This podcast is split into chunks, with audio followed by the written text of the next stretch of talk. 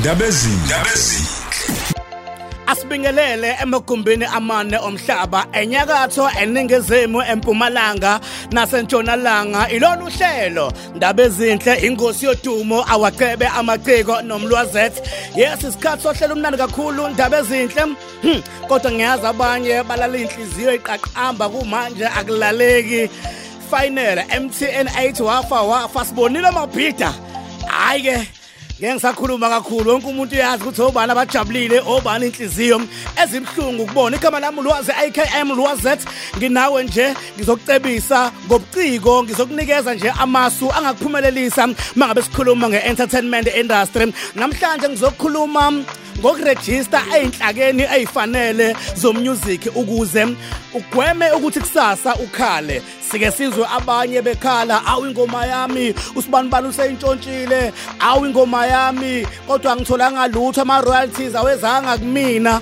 Senza kanjani ke ukuze singezwa lokho njalo. Amaciko ekhala ngontshontshelwa ingoma ekhala ngokuthi ama royalties abo awafikanga kubona. Ikuphi mhlambe la abasuke bengenzanga kona kahle? Ukuze mhlambe ke sibalungise sibakhalime sibaqeqeshe sibanikeze umhlahla nje lokuthi cha nakhula niphazame khona. O mhlambe na ufunde ngamaphutha abanye abantu. Ubona ukuthi okay osibanibani bashawe yilokhu. Ukuze nami ngingangena ogibeni olulodwa nabo ake ngilungise nami ngingenze ngalendlela ke eright mina. Kunenhlaka ayifana noSambro kunenhlaka ayifana noRisa Capasso Sampra. Uma ngabe uyiartist kumele uzazi ngoba izona ekumele uqale umusic wakho uregister khona ngaphambi kokuthi wena usabalalise. Wenzelani na?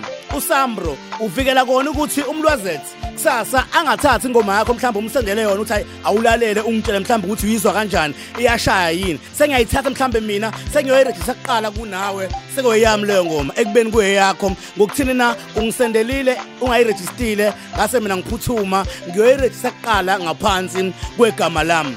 Okunye abantu abakwenzayo ekumele bakuqaphele sothi mhlambe uzothemba umlwazethu ukuthi hayi umlwazethu ngicela mhlambe umlwazethu ungirejistela koSambro nakoRisa.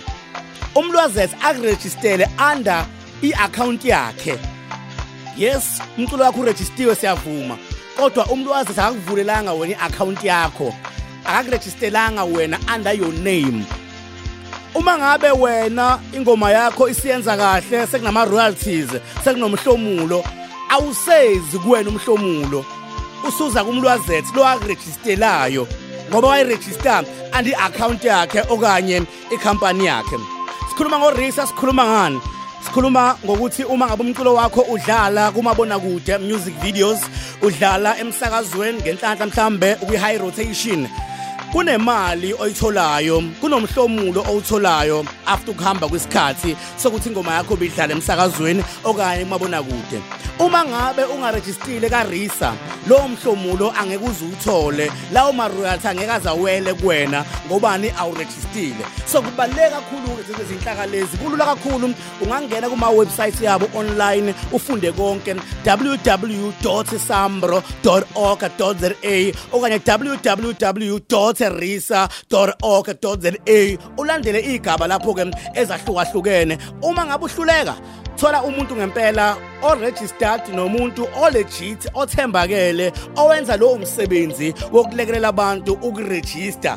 Khumbula ukuthi kaSambro ukurejista kumahala ha? Uma ngabe uzenzela then kaRisa kunemadlana encane oyikhokhayo iannual fee yakhona ewu585 but bakhona abantu abenza iPR abangakulekelela uma ngabe mhlambe wena uswele ulwazi ungazi mhlambe ukuthi kumele wenze njani. But ke bazokukhokhisa ngoba wena awazi maseke bekwenzela wonke lo msebenzi. But kubalekile ukudlula kulezo inhlaka lezo kuqala before umculo wakho uthumele kuma radio station. Before umculo wakho uthumele kubona bonke o DJ nabangani ofisa bakusabalisele wona. Qala ngokuregister wenzelani? Ukuze ube safe ungantshontshwa. Ukuze ube safe nama royalties akho eze ekuwena. Sakhuluma ngokuthi mhlambe ke uhambise emsakazweni.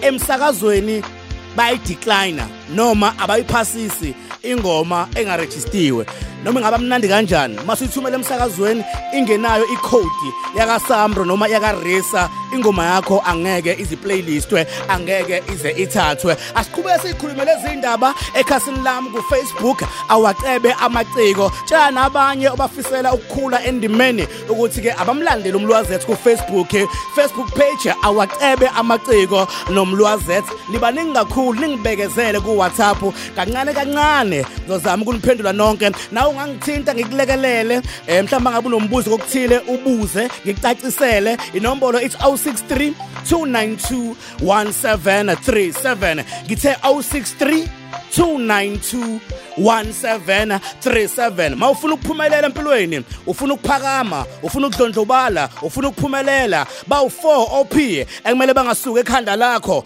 phaphama.